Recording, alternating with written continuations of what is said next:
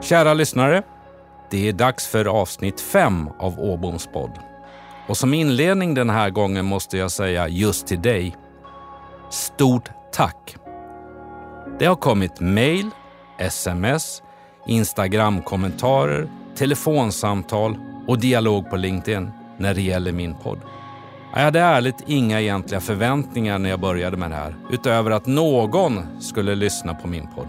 Men vilken fantastisk respons jag har fått. Jag är ödmjukt tacksam, men också väldigt rörd och jag blir lite mållös över den responsen.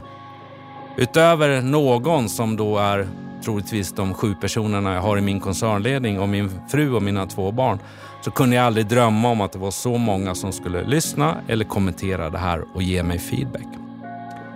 Vilken ambition har jag med podden? Ja, ärligt, jag vet inte. Jag är ju i grunden företagsledare. Jag är inne på mitt fjärde vd-uppdrag och det är kanske det enda jag kan. Okej, lite annat kan jag väl också som att klippa gräset och vika servetter med mera, men det är ju mer av den privata delen i livet. Jag brukar säga till min familj och de närmsta vännerna när vi kommer att prata om podden att ja, men jag är en glad, talanglös amatör på poddar som nu 54 år ung vågar att testa och kliva utanför den vanliga trygghets och komfortzonen.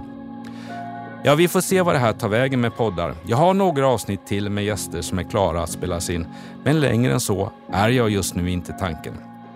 Oavsett om det blir tio avsnitt eller fler så är min ambition med dessa poddar att jag har genomfört avskalade och ärliga samtal med mina gäster och därigenom kunnat dela med oss av erfarenheter, strategier, verkliga händelser, anekdoter med mera.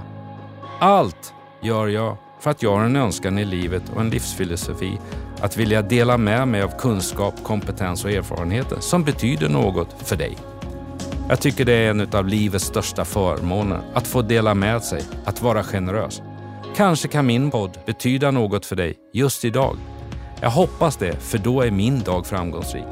Låt mig summera inledningen av avsnitt 5 med att säga att det är du som lyssnar som gör att podden blir bra. Jag önskar dig allt gott och en inspirerad och framgångsrik dag.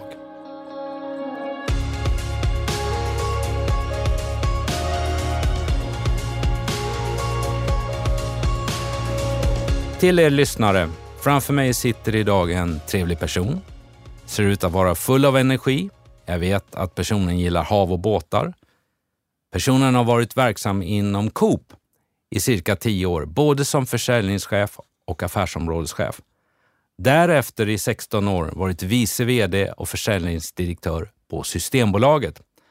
Där ansvaret för 400 butiker och den omfattande förändringsresan var en stor del och det ska vi få höra mer om vid dagens samtal. Idag är han verksam med en egen verksamhet och eh, inte minst uppskattade föreläsningar. Så jag har glädjen att få säga hej och varmt välkommen till dig Mikael Walteg. Tack så jättemycket. Eh, jag har verkligen sett fram att komma till dig här idag. Eh, ja, det ska bli jättekul det här tycker jag. Ja, och jag är ännu gladare tror jag att ha lyckats att få, få hit dig till den här, och när vi spelar in det här, en varm studio. Så ja. det kommer att bli ett, ett varmt samtal tillsammans Mikael. Jajamän. Äh, men vilken bredd, vilken karriär och vilken erfarenhet du har. Och jag kan ju konstatera att det finns någon röd tråd också kring, utöver ledarskap, men det är detaljhandel eller retail som du har jobbat med ja, väldigt, det, väldigt länge. Det, det är huvudsak det jag har jobbat med under ja, min karriär. Mm. Jag har ju haft förmånen att få träffa dig och samtala vid ett så kallat konferensbord. Nu blir det lite annorlunda. Nu sitter ja. vi här ensamma i en poddstudio. Ja. Eh, vi har två utanför som tittar på oss, men eh, nu är det bara du och jag kring ett samtal. Ja. Och syftet med Åboms podd är att förmedla tankar, idéer, erfarenhet till våra lyssnare som du och jag ska göra. Det kommer handla om ledarskap, kommunikation, drivkraft och lite framtidsspaning om vi kan det.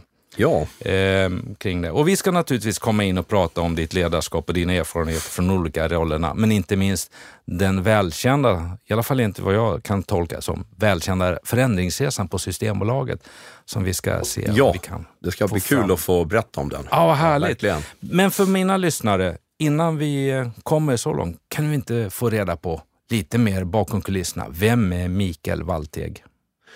Jag är eh, eh 62 år idag eh, och uppvuxen i Södertälje.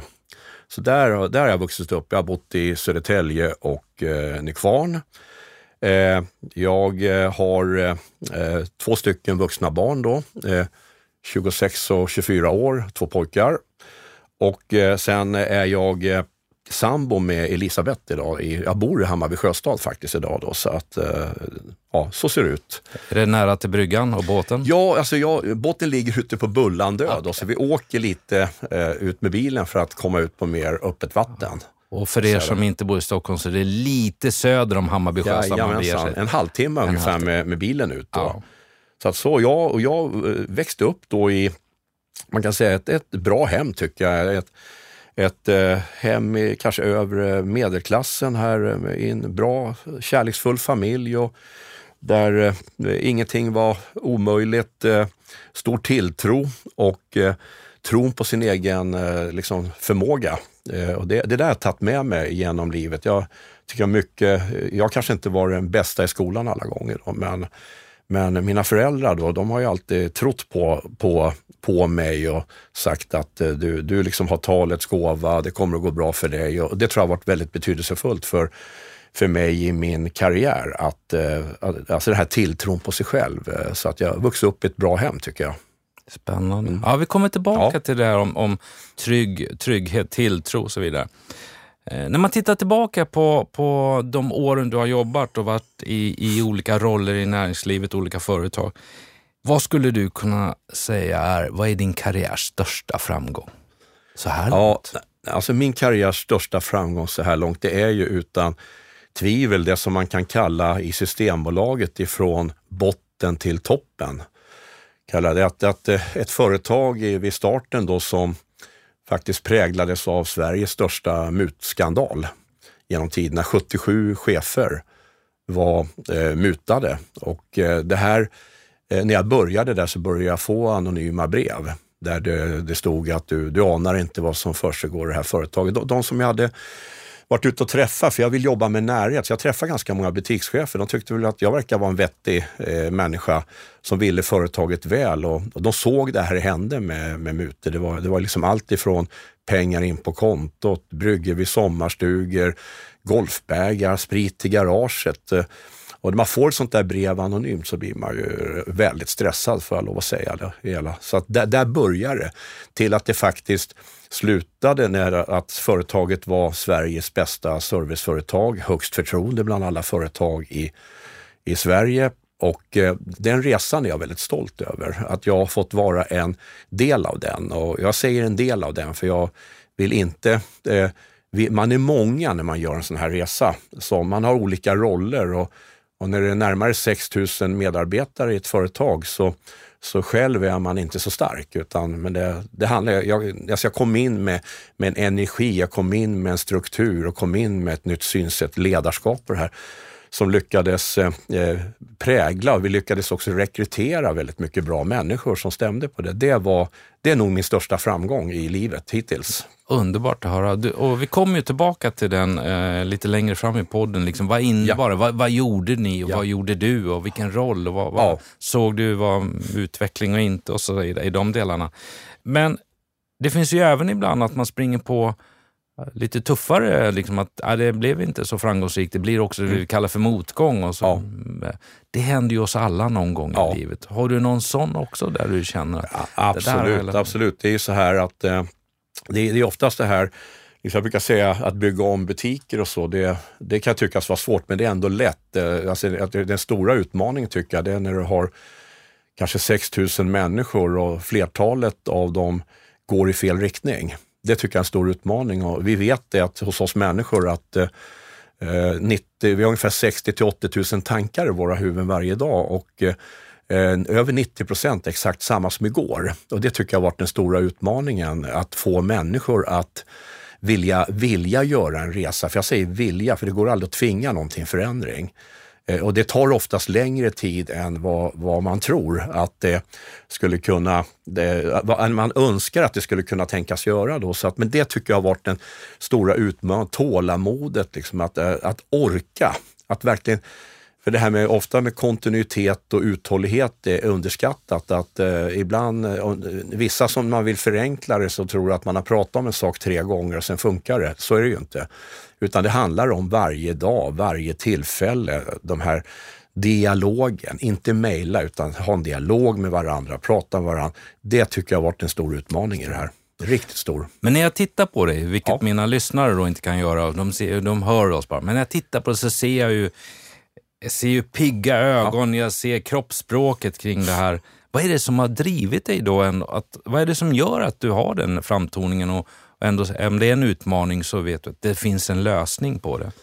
Jag, jag tror grunden det är jag brukar säga så här, hade jag vetat om först den här mut, när jag började den här muthärvan så vet jag inte om jag hade gått in om jag ska vara helt ärlig. Men sen när, när jag väl gav mig in i det här, det, det som driver mig på något sätt, det är ju det är ju här att, att vilja nå i mål med det man åtar sig på något sätt i det hela. Och det, det tror jag det handlar om uppfostran mycket hemifrån där jag fick, fick med, med mig att aldrig ge upp liksom, utan att kämpa, kämpa på. Och, och det kan ju både ha ibland en framsida och en baksida. Mm. Därför att eh, framsidan är ju att eh, du är uthållig, du orkar, men, men baksidan är ju att det, det kräver väldigt mycket energi att eh, att eh, vara på, på, jag vill nog påstå att vissa tillfällen under den här resan så har man ju varit rätt urlakad, det får jag nog erkänna. Liksom här. Ja. Då kommer ju osökt frågan eh, till dig Mikael, hur, hur laddar du då batteriet när du har känt dig helt eh, som här urlakad? Ja, alltså jag laddar ju, mina batterier har jag laddat med att, eh, eh för det första så här, det du nämnde i inledningen här med att, att eh, komma ut till min båt och Eh, lägga tamparna på bryggan och få komma ut. Där, känt, där koppla, har jag kunnat koppla av till fullo. Att man, jag har blivit fri. Eh, så det har varit en del av eh, laddningen. Sen har, sen har det ju varit med vänner och personer man tycker om som ger en mycket. Och det har funnits, tycker jag, både i mitt privatliv men också i jobbet. Så att ibland när jag har känt mig ganska urlakad så har jag kommit till jobbet och hade ett fantastiskt team som, som jag jobbade i då och de, eh, de gav mig mycket energi för att, att få jobba ihop med duktiga människor som, eh, när man kanske har en lite halvdålig dag själv, så hjälper man upp varann. Och, och alltså mycket tycker jag humor, hjärta och glädje i jobbet. Att vi, vi kunde garva ibland åt, eh, åt eh, elände för att kanske en minut senare vara knivallvarliga i det hela. Men det här att kunna ha, alltså vara avslappnad, göra bra saker, fira segrar tillsammans, det gav mig mycket energi också. Ja, du, du, vet ju vad, vad jag jobbar med till vardags. Alltså, ja. Och den ena verksamheten då som är begravningsverksamheten, ja. Fonet, det kan jag säga, det, jag måste säga att jag har många duktiga medarbetare som vi, vi ser ju så mycket tragiska händelser. Ja. Eh, och de är ju många där väldigt duktiga att hantera det, det för att, att bemöta det ja. med, med, eh, med teamkänsla, med hjärtahumor ja. som du säger. Och jag tror att det är avgörande för att klara de där processerna. Ja, det tror jag. Jag tror de, eh, era kunder tror jag också känner det här när det, det är ett varmt hjärta. Det är ett varmt hjärta. Ja, det tror jag. Du var inne på det här med att, eh, att du uppfostrar med att inte ge upp, man ska kämpa på och så vidare. Eh, jag hoppas ju att i mina lyssnare i den här podden är såväl äldre som yngre. Ja. Eh, har du någon känsla av att den nya eller den kommande generationen har fått allt serverat så enkelt så att de det, blir liksom, det finns inte den här att ta det hela vägen i mål. Man ger upp lite snabbare för att motståndet jag, jag, alltså jag, jag tillhör ju de som tror att var sak har sin tid på något sätt. Och jag tror att eh, ibland så kanske vi i den generationen jag tillhör och så kan vi ondgöra oss över att ja, men de, de yngre, de vill inte ta ansvar och så vidare. Men jag, jag tror inte på det faktiskt. Jag tror att de vill också ta ansvar, fast de kanske vill göra det på ett lite annat sätt än vad vi har gjort. De drivs kanske av andra saker. När, när jag växte upp så var det ju väldigt mycket den som jobbade mest. Det var ju den som var hjälten. Det är det, alltså på den den tiden. Så att eh, göra karriär, det var att jobba väldigt många timmar. Jag tror inte generellt sett att våra unga idag drivs av, de drivs av andra saker. Jag tror de drivs av att få jobba eh, kanske i företag som står för väldigt bra idéer och, ja, och det, ibland så kan det vara viktigare för dem att få jobba kanske i ett företag som har en jättebra idé där de kan utvecklas än att tjäna den sista tusenlappen på lönen. Då. Så jag tror lite så faktiskt. Och jag tror de kommer att definitivt ta ansvar för vårt samhälle på ett minst lika bra sätt som vi har gjort. Jag har ju en son 23 och en dotter 21 hemma och det blir ju, eller hemma, de studerar, men, men, när man träffas och vi sitter ner och pratar. Eh, och, och, det som du säger, det här med att det finns värderingar, ja. att det finns ett hållbarhetstänk är viktigt. Och sen brukar de avsluta med så här, pappa, VD, ja, ja det, varför då? säger jag du, vi har sett när du kommer hem. Och då får man sig en tankeställare precis ja. sagt, för att vara lite privat och, och, och så vidare. Så, ja, nej, Men det, finns. det är helt rätt. Jag gillar det du sa. De, de vill fortsatt, men de gör det kanske annorlunda. Och det är väl det som seniora ledare måste ha med sig i sitt ledarskap. Ja, och det får ja. mig osökt att komma in på ditt ledarskap, ja, Mikael. Stor chef, eh, stor organisation, eh, fin titel och allt det här. Men hur viktigt har det varit? Jag menar, du har ju mm. producerat mängder med vd-rapporter och styrelsematerial och så vidare.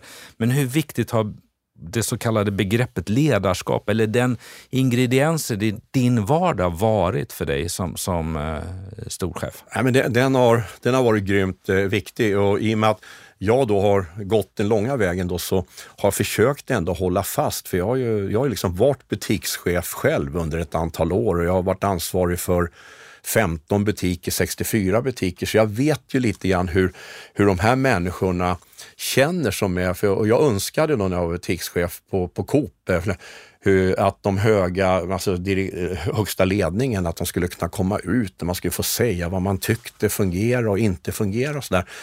Eh, och det har jag hållit fast vid, så att mitt ledarskap kanske är väldigt jordnära i det hela. Jag, när det, det första jag började med på Systembolaget, det var att anordna dialogmöten. Jag gjorde det tillsammans med dåvarande VD Anitra Sten. Då. Så vi, vi träffade 50 butikschefer i månaden i grupper av 15 stycken. Då. Så ungefär tre sådana grupper. Och de fick göra agendan när vi kom ut. Eh, därför jag, det, det tror jag har varit ena framgången, att verkligen ta in och lyssna vad de säger. Man behöver inte gilla allt de säger, men man måste lyssna vad de säger. Börja få en dialog. Så det tror jag varit en, jag hade 454 sådana dialogmöten under mina 16 år. Och det var de mest värdefulla. Att för det är så lätt att du sitter i ett ledningsrum och fattar beslut om någonting som du inte ser konsekvenserna av längst ut. Så, så det tror jag har varit en, en väsentlig del. Eh, Men för att göra det, ja. de, min analys är att då måste man verkligen ha ett genuint äkta intresse ja. i människor och sin, sin besättning, om man säger, sitt team. Ja, det, det är helt rätt. att det det är ett, ett, jag har verkligen ett genuint intresse för, för människor och vill gärna skapa en känsla där, där vi, vi har olika roller i företaget men vi jobbar mot samma mål. Så att den delen har varit väldigt viktig att också kunna göra målbilder. Det tycker jag har varit eh, ledningens ansvar och mitt ansvar i linjen då. Att kunna på något sätt beskriva ett önskat tillstånd. Var ska den här verksamheten med över 5000, vad ska vi vara om tre, fyra år fram i tiden? Vad ska våra kunder känna, tycka och säga om oss? Inte vad vi själva säger, vad ska de säga? Att, och förmedlar man ett sån här målbild eh, till, till, så uppstår det en väldig kraft, har jag sett i organisationen, för ser alla vart vi ska, då går det inte att undgå att ta ansvar. Men vet man inte vad man ska, vilket tyvärr tycker jag är ganska vanligt, så behöver du inte heller ta ansvar. Så Det har varit en, en styrka. Men det, det du talar mycket om är en, en öppenhet eh, i sättet att kommunicera. Ja, Tala ja. om att den här den här båten, ja. den här resan med företag, den kommer att gå den här kursen ja, åt det, det riktigt, hållet. Det riktigt, det riktigt. Och, och göra, ge alla medarbetare en chans att, att förstå, ja. ställa några frågor de behöver för att liksom ta ett aktivt beslut. Jag är med på den här resan, jag ska vara med, jag vill uppnå det här. Ja, jag vill kvittera, jag vill vara med och, eh, och kanske vissa säger att man vill vara med fast de inte är med. Då blir ju nästa, men hur ser jag på dig att du är med? Hur kommer jag se en en eh, förändring. Och, och, jag brukar säga också att vi, vi använder ju metaforen en fyr, att du, du styr mot en fyr. Och du behöver inte köra på graden rätt mot den fyren. Jag brukar säga nästan rätt är bättre än exakt fel. Därför att du, du kan styra fem grader fel. Och, eh, men om du, om du har 5000 människor som är med på resan, de får vara kreativa, de får vara sig själva och vara på riktigt i varje möte med kunden så, gör, så kan man också korrigera under resans gång. För du vet, omvärlden är ju förändlig. Och, och, det kommer att vara kanske orkaner eller vindar mot den här fyren som gör att du, du kommer att behöva korrigera. Men, men om du har alla med dig så kan man också korrigera under resans gång. Kan man gå så långt, Mikael, som man säger, tips till, till eh, lyssnarna som är ledare, att mindre, mindre tid i styrelse och konferensrummet och mer tid ut att eh, missionera om Absolut. visionen, resan, kursinriktning Absolut. och träffa medarbetarna, att lägga mer tid på det. Ja, jag delar, delar det till fullo och sen skulle jag säga att ett, ett, det jag tycker har, många krånglar till det kan jag tycka många gånger, för att vi har, har du, har du en plan och, det, och den är tydlig, den planen, vad man ska åstadkomma, så handlar det om att exekvera och liksom få hela kraften. Men det är inte helt ovanligt i företag, att, och det har jag också stött på, att man gör planen på planen på planen. Det blir en, alltså en, en tung administration som inte är välgörande för riktningen. För alltså då, du kan inte administrera det. Tiden måste användas till att vara ute, se, skapa kraft. Sen måste du självklart ha en plan, för man kan inte vara ute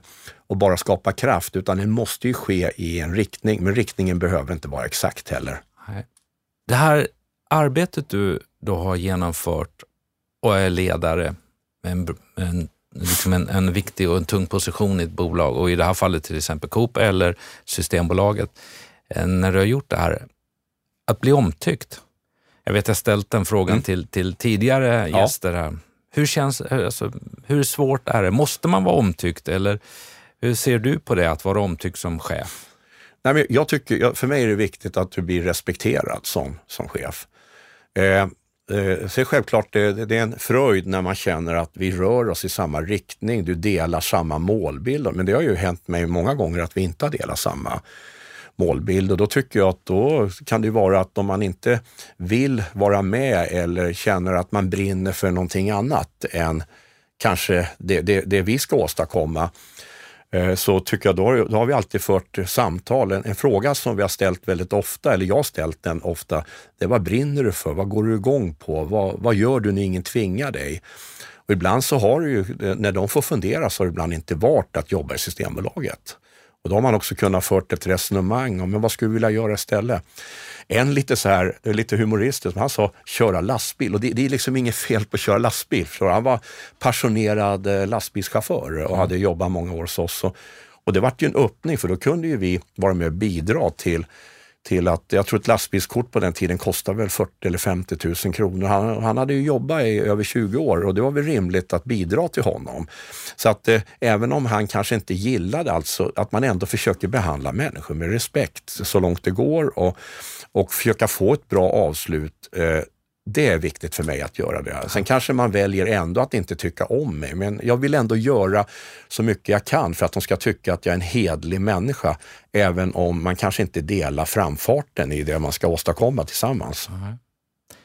När du idag träffar många företag via ditt nätverk, när du är ute och föreläser och du konsultar i olika delar, eh, så tänker jag på den delen du träffar privata näringslivet, du har varit i ett statligt ägt bolag, ja. du har varit i ett kooperativt bolag. Ja. Ja. Ser du skillnader på ledarskap och kultur?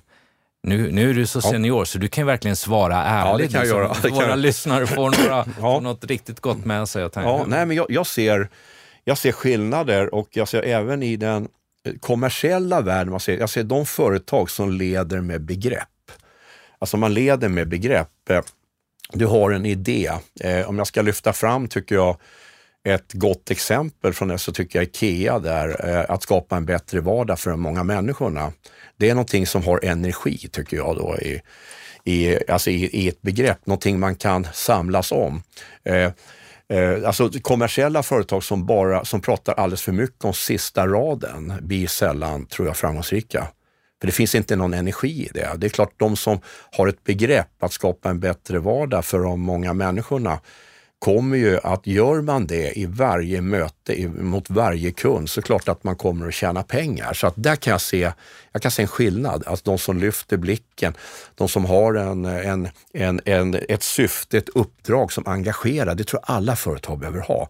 Oavsett om du är en kommun eller du är ett, ett superkommersiellt företag. Någonting som driver världen, någonting som man inte bara kan förstå i sin hjärna utan också kan ta till sitt hjärta. Det tror jag är jätteviktigt i men du Mikael, när vi spelar in det här, då är det ja. Almedalsveckan. Ja. Politikerna är där. Ja.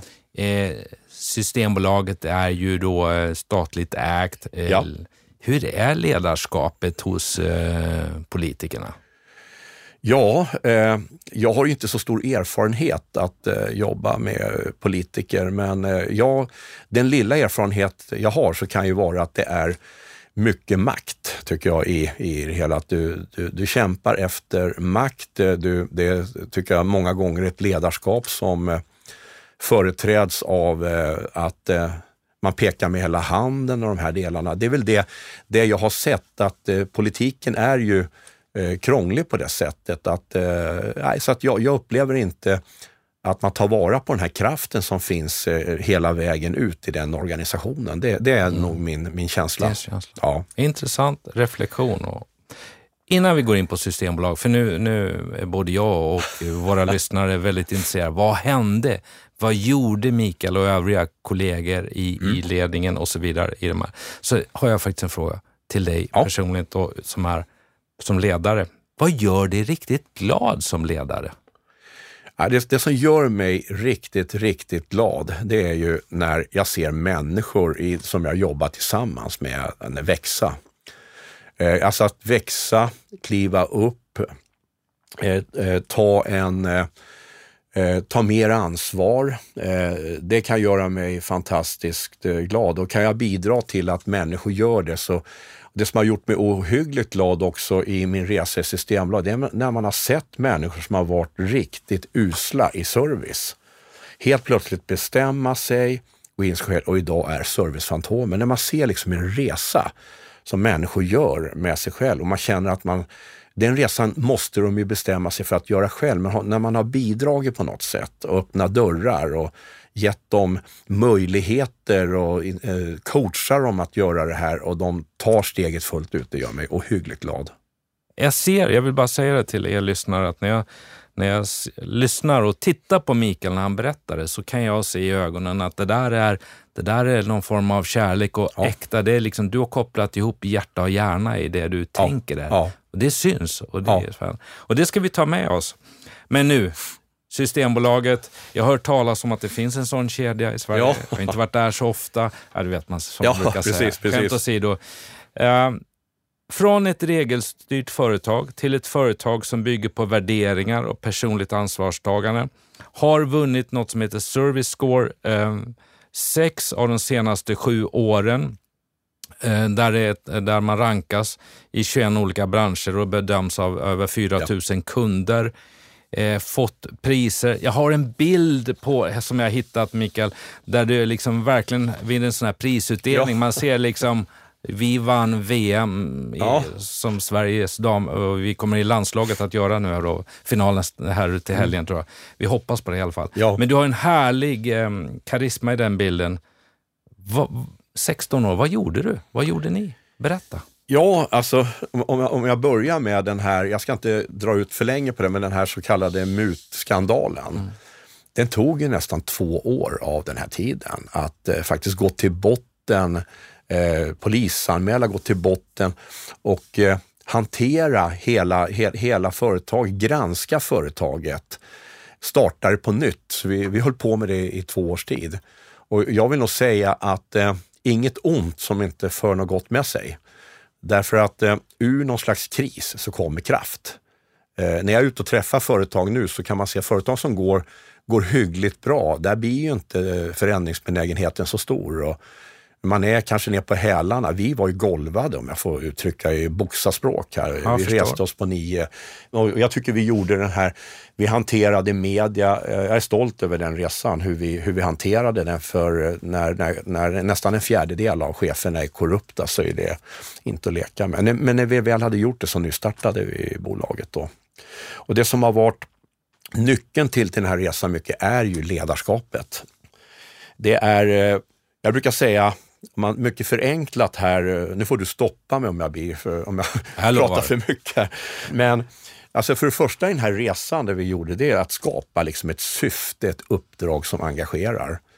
Därför att många då här, de gick ju till jobbet, fyllde en hylla, satt i en kassa, eh, gick på fikarast, gick hem och eh, Eh, egentligen så förstod du ju inte riktigt varför du gick till jobb. Man förstod ju att du skulle ta betalt och att du skulle sälja, men man förstod ju inte uppdraget egentligen. Så vi, vi la ganska stor kraft vid att sätta en vision också som gav, eh, eh som engagerade. Och den visionen handlade ju väldigt mycket om vem är vi till för? Det började där. Och det kan ju vara en konstig fråga, men är vi till för våra kunder? Är vi till för alla i Sverige? Ja, men vi är nog till för alla i Sverige. Därför att vårt sätt att agera kan också påverka fyraåringens vardag hemma, beroende på hur duktiga vi är att sälja med respekt i de här delarna. Sen så det enades vi om.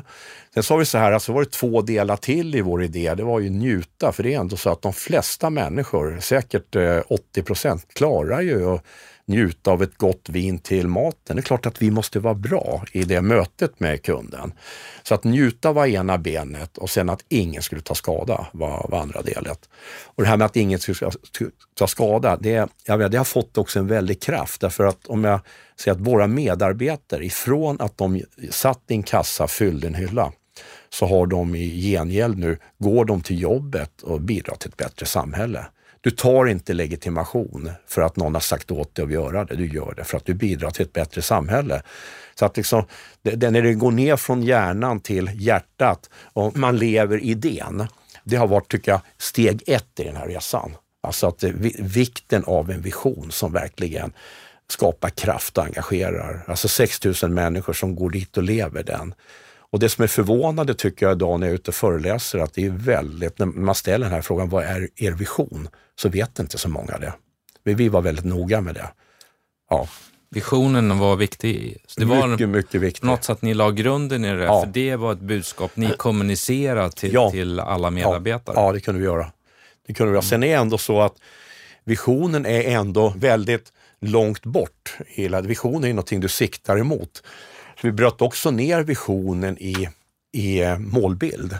Så att en målbild för oss, det kanske var två till fyra, vad, vilket önskat tillstånd, vad vill vi vara två till fyra år fram i tiden? Vad vill, kund, vad vill vi att kunderna ska säga, känna? Jag blev, eh, en del i den där var ju att vi ville att kunderna skulle säga att jag är stolt över att vi har Systembolaget i Sverige. Och när vi sa det så var det var ingen som var stolt över Systembolaget Sverige. Men det är kraften i när man börjar kommunicera någonting och vi vill Alltså idag är ju ganska många stolta. Ja, ja men det måste det ju vara eh, på något sätt. För att, um, uh, men humor då sagt så har jag gått en gång före resan och en gång efter ni började resan. Ja, ja. Kanske någon gång däremellan ja. också, men lite humor. Men uh, det, man såg, det man ser idag är att när du kliver in i en sådan butik ja så möts du av om det sitter någon, hon eller han i kassan. De tittar upp och säger hej. Eller kliver du innanför och tar din varukorg så säger de hej, välkommen. Ja. Och står du en minut eller, och tittar på sortimentet så kommer någon fram. Vill du ha hjälp? Ja. Kan jag hjälpa dig? Vad ska du äta till middag? Ja. Alltså, det är ju det, det är inte bara att de är stolta, de, de är ju pålästa. Ja. De är ju kompetenta. De är ju närvarande. Är de. Hur gör man en sån resa? Man, man gör det genom att den här målbilden jag pratade om, den bröt vi ner också på varje butik. Om jag ger dig ett exempel på hur kunde en målbild vara på, på en butik så kunde det vara typ att när gästen kommer in till oss så ska du mötas av värme. Vårt butiksgolv, det är som vardagsrummet hemma när vi bjuder hem gäster. Vi låter ingen stå i hörnet. Varje gång en kund frågar så har vi misslyckats, vi borde ha sett det. Vi är en oas av glädje och energi. Eh, och när man går ifrån då ska kunden göra det med lätta steg och berätta om det fantastiska mötet med oss. Men så länge det bara står så är det en papperstiger. Men när sen man börjar jobba med den här butikschefen och kanske de 20 anställda och tittar på vad står vi idag? Vad är vårt nuläge? Ja, men inte känner väl kunderna att det är som vardagsrummet. Hur ska vi göra? Och då kommer man in på det du berättar. Ja, men vi ska nog vara nära entrén och bekräfta kunderna i det hela. Det, det, det gör vi så att alla involveras i den här målbilden. Om man tittar på hur mycket gap har vi från nuläget till målbilden och hur mycket gap har jag? Vad behöver jag ta tag Man har en ärlig, öppen dialog om hur man ska ta sig dit. Eh, och det har varit en kraft, för den blir på riktigt. Så de, kreativiteten blir enorm när du väl får igång den här kraften. Så att eh, varje person, och, och, och, vi ville det från att du var ett väldigt regelstyrt företag där man egentligen läste, alltså tappar du en flaska utanför tröskeln så ersatte vi inte. Tappar du den innanför tröskeln så ersatte vi. Kom du tillbaks med ett korkdefekt vin som mindre än hälften var kvar, då fick du inte lämna tillbaks den. Och där sa vi, ja men alla har man då 500 kronor, gör kunden nöjd. Var dig själv. Är du blyg, var dig själv. Eh, men få kunden att känna det här kundlöftet som vi hade. Du ska alltid känna dig välkommen. Du ska alltid kunna lära dig någonting nytt och du ska alltid kunna lita på att vi säljer med ansvar. Gör det på ditt eget sätt. Du får göra det precis som du vill. Men att eh, du, vi vill att kunden ska känna ungefär så. Men det innebar att om jag tolkar det rätt så, så involverade ni medarbetarna ja, på ett helt annat ja. sätt. Ja. Och ni gav också ett förtroende till så dem så som de skulle förvalta mot kunden. Så är det. Men sen är det ändå det, för att du ska få det att hända hos medarbetarna, så det börjar ju högst upp i koncernledningen. Alltså mm. vi börjar ju med oss själva och börjar titta på, eh, vi börjar göra våran målbild. För alltså, är, är vi överens om den här målbilden? Vi börjar skriva ner den och det var, det var, inte så att någon av oss sprang i sydlig riktning och någon sprang i nordlig. Men vi sprang åt lite olika väderstreck. Och när vi väl hade gjort vår målbild så var ju början, då hade vi kramat vår lilla snöboll om man säger så tillsammans. Eh, och sen kunde vi rulla den vidare i nästa led. Och då, och då var det nästa led av chefer som skulle ta den och börja krama den. Och, och vi, sa, vi pratade mycket om kulturella arkitekter och kulturella fångar. Alltså en kulturell fånge den vill ju konservera det som har varit medan en kulturell arkitekt vill vara med och utveckla verksamheten. Och vi säkerställde att vi hade väldigt många kulturella arkitekter. Därför att de, eh, ibland så kan man säga att vi har en kulturell fånge men vi har inte råd att byta ut den för det kostar för mycket pengar. Mm. Jag vill vända på den frågan, så har man råd att ha dem kvar? Liksom? Nej.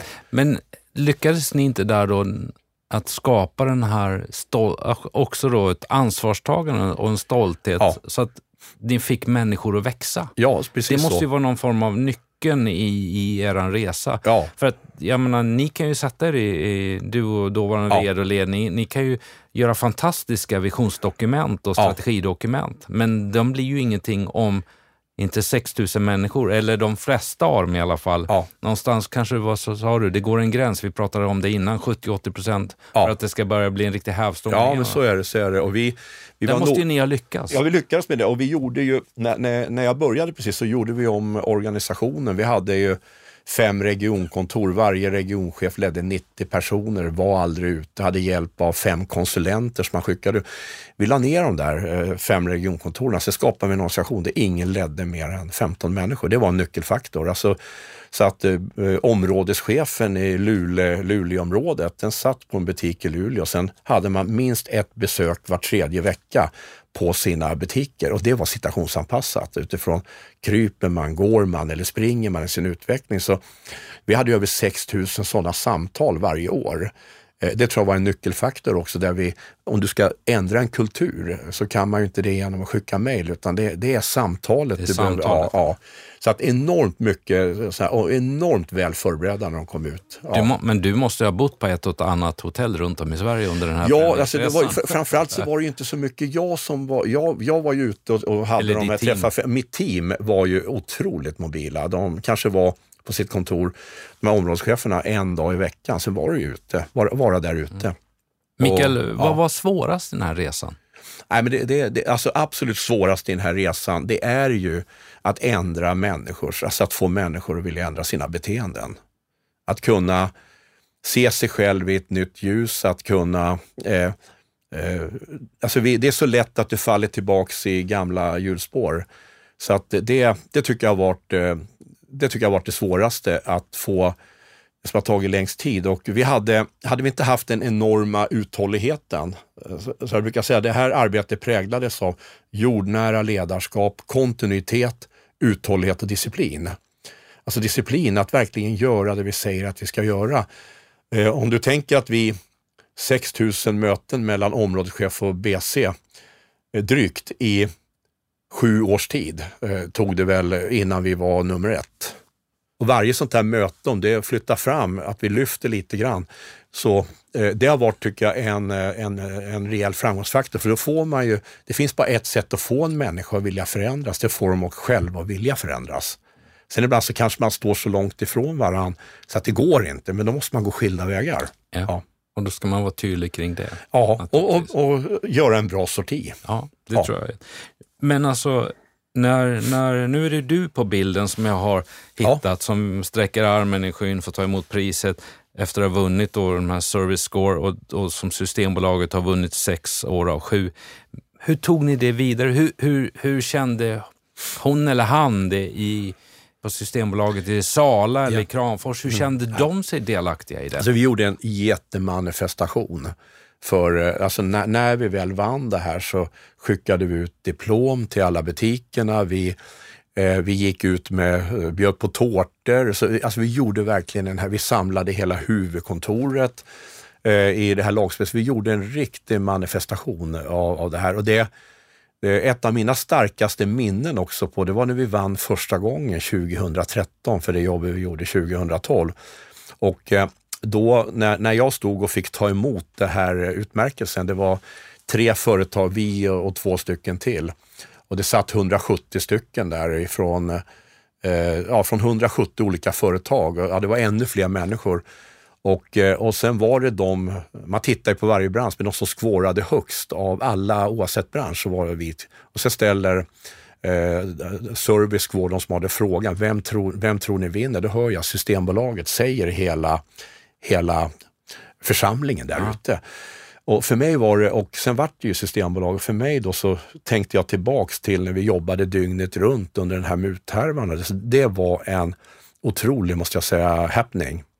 Hela, och vi, vi ville också att den känslan som jag fick, den ville vi förmedla ut. Så vi gjorde man till alla 400 drygt eh, butikerna, för det är ju ändå där jobbet har skett. Det där det ja. ja. Kopplat till um, det du har varit igenom, som muthärvan, den här det du pratar om är ju inte bara en, en kundresa utan det är en kulturresa Kultur, ja, du har varit med och ja. lett i de här delarna. Och jag brinner som ledare väldigt mycket för kultur och värderingarna. Ja. Och att ha någon form av DNA som så, antingen ska ja. den, är den ju medveten eller omedveten, men det är ju den medvetna som man söker verkligen för att jobba igenom. Hur, hur, hur, hur mycket har du tid har du lagt under din karriär på att medvetet jobba med kultur och värderingsfrågorna som ledare? Nej, men alltså, jag tror att det har lagt mycket tid och det är att eh, vara, eh, försöka vara det goda föredömet själv. Försöka föregå med gott exempel. Eh, försöka också rekrytera människor in som är kulturella arkitekter när det gäller ledarskap. Så vi, vi hade ju ett ledarskap som byggde mycket om du går tillbaks till 2000 så bygger det mycket på management by fear, liksom rädda människor. Att eh, rekrytera ledare in, alltså gå ifrån att, för rädslan är en stark drivkraft, men kärleken är ännu starkare. Och det kan låta flummet, man säger kärleken, men de, det, det, jag pratar om då, det är att det är ett ledarskap som bygger på tillit och förtroende till människor. Det ledarskapet, så jag tror att man ändrar man en kultur så måste ju, alltså cheferna måste ju vara kulturbärare i en sån här resa. Eh, och, och eh, man måste föregå med gott exempel och lite grann tycker jag att visa också att man är sår. Alltså det, det är bara starka chefer, ledare som vågar vara sårbara också. För ibland blir det att du kommer upp i en koncernledning och sen helt plötsligt så är du felfri. Så är inte livet. Vi är människor. Vi är mm. bra på vissa saker, vi är sämre på andra saker. Mm. Och kan man vara öppen om de delarna med så, så tror vissa kanske att det sänker ens auktoritet. Jag tror att det är tvärtom. Jag tror, att det ökar auktoriteten. Eh, därför du blir människa, du blir på riktigt. Du kanske omger dig med människor i team som kompenserar dina egna svagheter i, i det hela. Därför vi är människor. Och, eh, så att eh, det tror jag har varit en styrka, att vi, vi, har, vi har varit nära. Alltifrån de här 454 dialogmöten till de här var tredje vecka och vi har bedrivit ett ledarskap som bygger på tillit och respekt och eh, en öppenhet. Och, och i, en så, i en sån klimat så vågar också människor förändras. Vilka, om, du, om du känner en rädd att duger jag till? Får jag sparken nu om jag inte... Alltså, det, det finns ju många organisationer där man där man håller igen, man är inte riktigt ärlig och då, då är det svårt också att förändra. Det jag. Ja. Några av våra lyssnare kan vara eh, även företagare, familjeföretagare, eh, titta på liksom successionen framåt eh, i en sån här förändringsresa. Eh, några är i, i styrelser kanske som lyssnar, har det ansvaret. Och då tänker jag på, du har lämnat, som har liksom lagt 16 år av ja. tid på det här. Eh, du nämnde före detta vdn eh, som, som då lämnade, ja. som ersattes av Magdalena. Ja, det stämmer. Som, som nu har varit i tio, ja, tio år, tio år någonstans där. Eh, de här, hur hanterar man det här? För att som, det du pratar om är ju en, en idogt att hålla i. Jag menar, 6 000 möten under sju år. Ja. Eh, det kräver ju en kontinuitet. Ja, det, det. det, kräver ju att inte eh, såväl styrelse eller nya vd kastar om och så ja. vidare. Vad är din erfarenhet där och hur säkerställer man att det här fortsätter? Ja, eh, nej men, eh, man tittar på eh, under den första tiden så säga, med Anitra Sten, så tyckte hon gjorde en heroisk insats under den här muthärvan och hon hade en väldigt klar bild för sig hur företaget skulle utvecklas under sina år. Hon var, hon var ju också tror jag i tio år ungefär där i hela. Ja. Eh, så att eh, tycker jag sen eh, kom ju Magdalena in i, i bilden och eh, det som jag tycker var positivt med, med, med Magdalena då det är att hon, alltså hon, hon har ett väldigt kundfokus. Hon, eh, hon verkligen eh, ser ju slutkunden och eh, verkligen också såg värdet i att jobba nära. Och det, det, det är inte för givet att för att en, en del VD som kommer in, man vill ju markera sin kraft genom att göra förändring och ofta så kanske man gör en omorganisation i, i det hela men, men hon såg det, det värdet och tycker jag jobbade vidare också med att eh, stärka det här med det, go det goda kundmötet, att faktiskt boosta upp det ännu mer med kvaliteten och de här delarna. Så att eh, och det tycker jag har varit väldigt positivt eh, av att eh, hon, ja, att hon byggde vidare på det här och eh, tog, det, tog det ett snäpp till. Det så, ja, ja. Vad ska vi dela med oss av utöver den fantastiska resan som du har berättat? Men om jag ställer frågan så här. För framtida ledare, ur ett framtidsperspektiv, vad skulle du vilja skicka med? Liksom, vad är det viktigaste de ska tänka på? Ja, I grunden kan jag säga så, nummer ett, att eh, vara sig själva. Det tycker jag är en viktig del därför att eh, i ledarskapet så man kan aldrig bli någon annan och eh, det, det genuina det är när du vågar vara dig själv i det hela.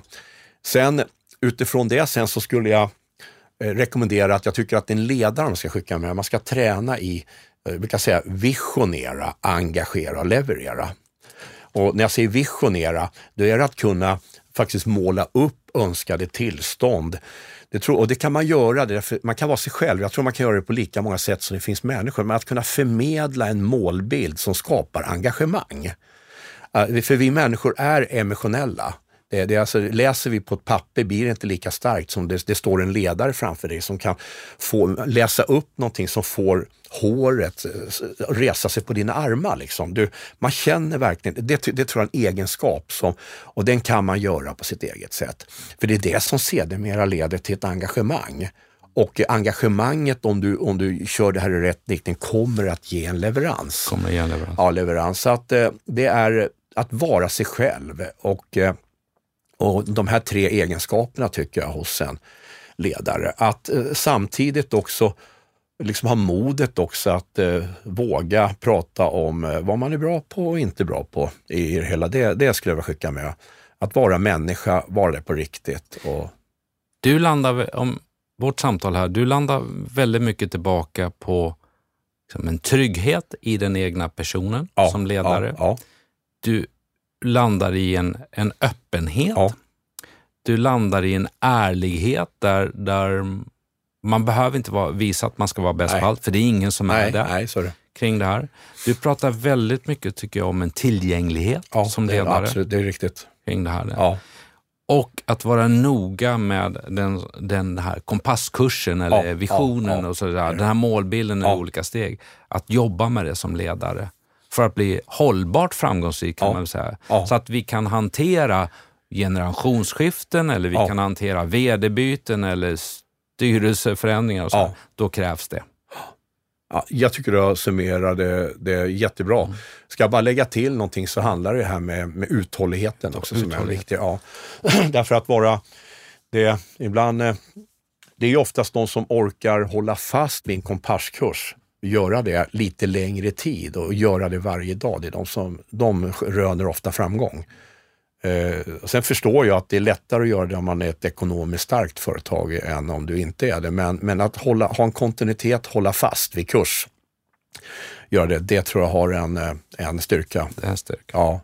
Hur mycket har du, om du, ja, ska man kan ju inte liksom procentuellt eller klockslag säga så, antal timmar och minuter, men om, om du säger att du behöver en, som, som ledare så behöver du en yrkesteknisk kompetens om vad du håller på med, Ja. eller chefrollen där, du ska göra det.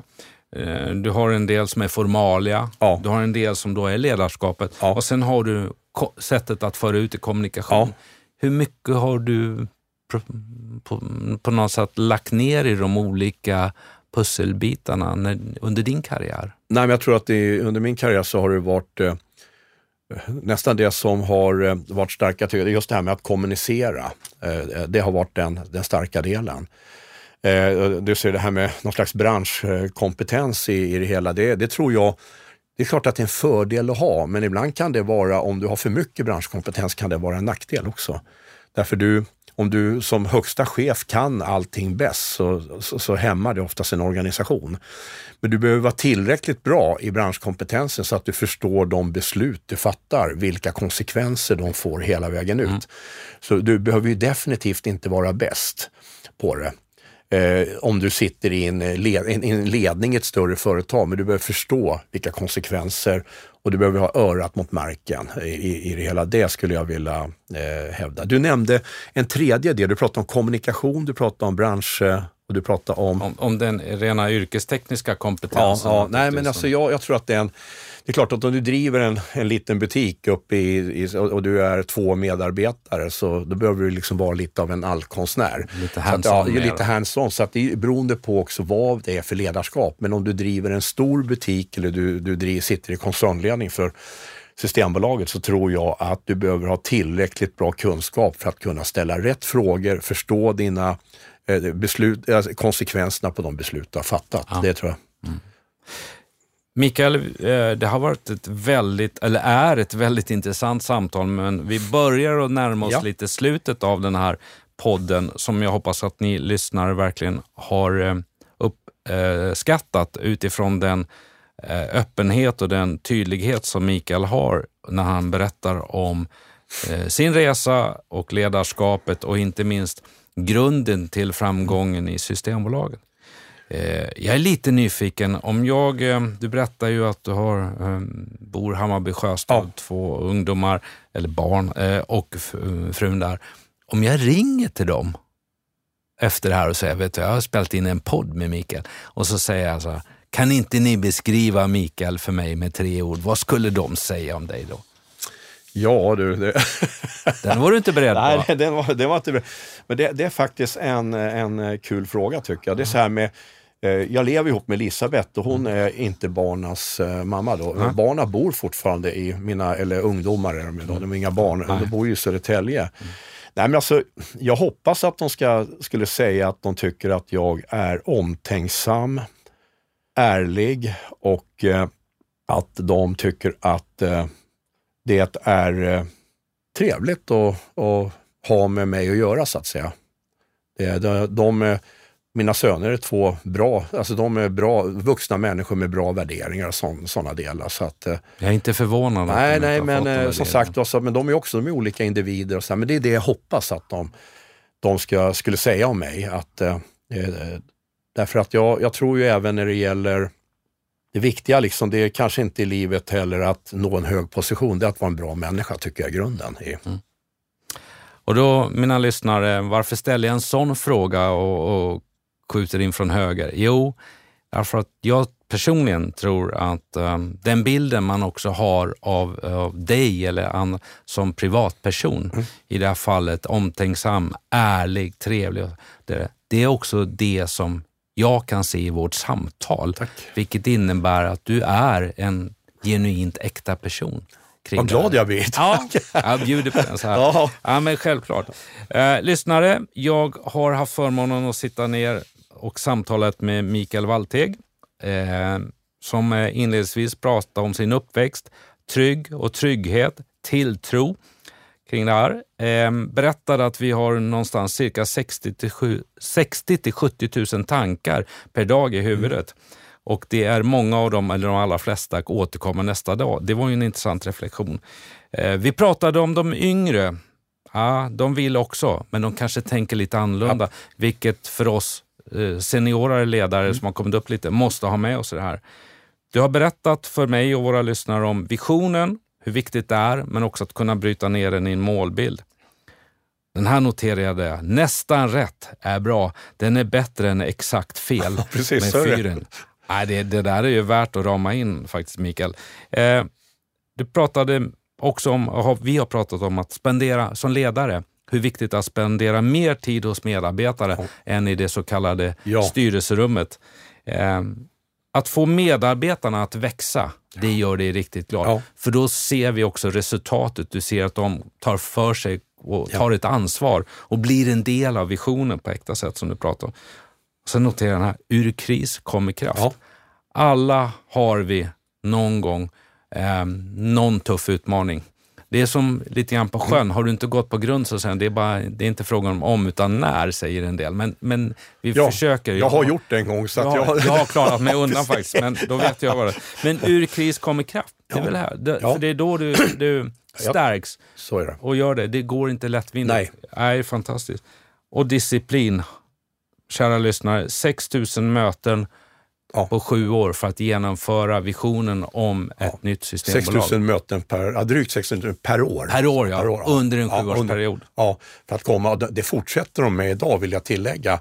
Så att det är samma sätt att jobba idag och de är lika hängivna, fast jag har slutat i, i bolaget så går det hur det bra som helst. Det vi pratar om succession. Ja, ja, precis. Fantastiskt trevligt. Uh, Mikael, jag är stort tacksam för att du tog dig tid att säga ja till, eh, på min inbjudan. Mm. Jag uppskattar det väldigt mycket och jag är övertygad om att många av våra lyssnare eh, uppskattar den här podden, med det här avsnittet, med det här samtalet med dig och att vi har kunnat dela med oss, som ja. någon av dem tar med sig in i sin resa, eller flera av dem in i sin resa. Det är det som är syftet. Jättestort tack för att jag fick komma till dig. Jag uppskattar verkligen att få sitta och, och prata ja, med dig. Det känns I den här jättekul. varma poddstudion. Ja, underbart. Tack ska du ha. Tack, tack. Vi ska avsluta med en sista sak. Du har fått en hemläxa innan ja. du kom hit, Mikael. Och vi ska bjuda lyssnarna på en, eh, en låt som du gillar som vi ska avsluta på det med. Vad blir det?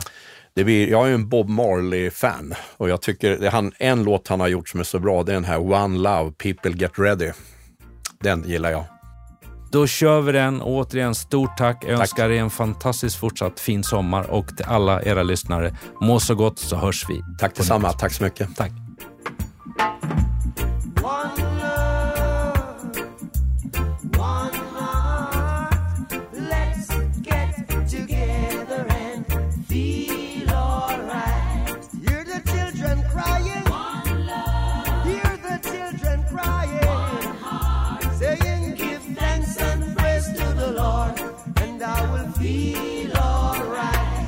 let's get together and feel alright. Whoa, whoa, whoa, whoa. Let them all pass all their dirty remarks. One love. There is one question I'd really love to ask. One heart. Is there a place for the hopeless sinners who has hurt all mankind?